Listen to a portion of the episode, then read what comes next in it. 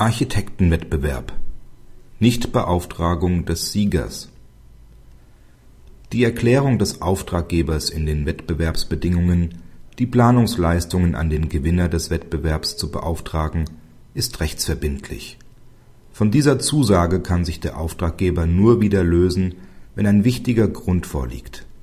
Die Verpflichtungserklärung des Auftraggebers gewährt dem Wettbewerbssieger allerdings keinen einklagbaren Anspruch auf Abschluss eines Architektenvertrags.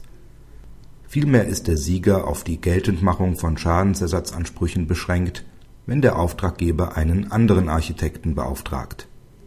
Der Auftraggeber, eine kleinere Kommune, möchte ein neues Rathaus errichten.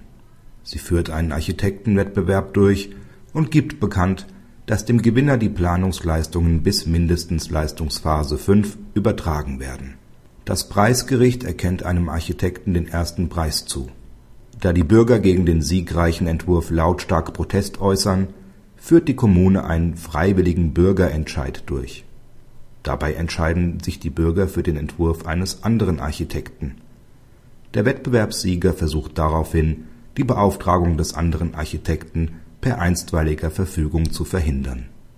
Das Landgericht Arnsberg erlässt die einstweilige Verfügung nicht zwar hat der Architekt einen Anspruch auf Beauftragung, da der Auftraggeber in den Wettbewerbsbedingungen bekannt gegeben hat, mindestens bis zur Leistungsphase 5 beauftragen zu wollen, allerdings ist dieser Anspruch nicht einklagbar.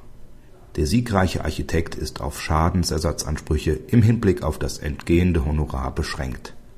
Zur Begründung verweist das Gericht auf § 649 BGB selbst wenn man dem siegreichen Architekten einen Anspruch auf Beauftragung zuspricht, könnte der Auftraggeber den Vertrag sogleich wieder kündigen. Auch in diesem Falle bliebe dem Architekten nur der Anspruch auf sein Honorar abzüglich ersparter Aufwendungen § 649 Satz 2 BGB. Praxishinweis Die Entscheidung ist sehr lehrreich und kein Einzelfall. Nicht selten möchte der Auftraggeber den Wettbewerbssieger nicht beauftragen sei es, weil ihm der Vorschlag des Preisgerichts nicht gefällt, sei es, dass er einen anderen Grund hat, etwa fehlende Mittel. Eine Nichtbeauftragung des Preisträgers ist allerdings im Ausnahmefall möglich, beispielsweise wenn der Auftraggeber das Bauvorhaben wegen unerwartet ausbleibender Steuereinnahmen nicht realisieren kann.